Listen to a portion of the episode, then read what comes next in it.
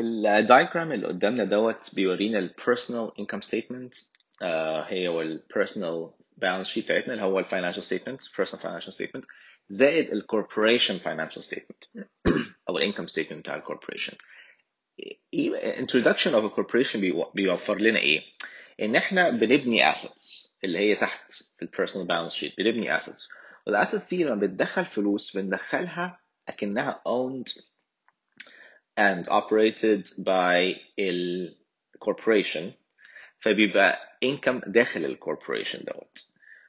فقبل ما بيجي لنا إحنا إحنا مش بناخد ال income directly من ال asset إحنا بنعديها على ال corporation الأول ونخلي ال corporation تدفع لنا ما هي اللي هي ال income اللي دخل لنا.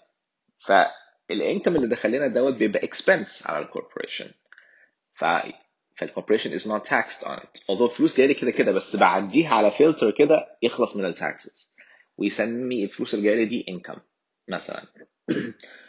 وأعمله income قليل لأن أنا مش مش عايز فلوس كتير منها دلوقتي. وبعدين الحاجات اللي أنا بصرفها العادية التليفونات المكتب مش عارف إيه العربية ال trips ال dinners الحاجات دي كلها ممكن تبقى expenses of the corporation اللي هي برضو بتتاخد pre tax ف فالكوربوريشن بتظبط لي حاجات كتيره بت بتقلل my income my effective income فده بيقلل لي my income tax او tax bracket وبتخليني uh, uh, I kind of shift my expenses uh, onto another entity where my expenses could be pre-tax um, deductions.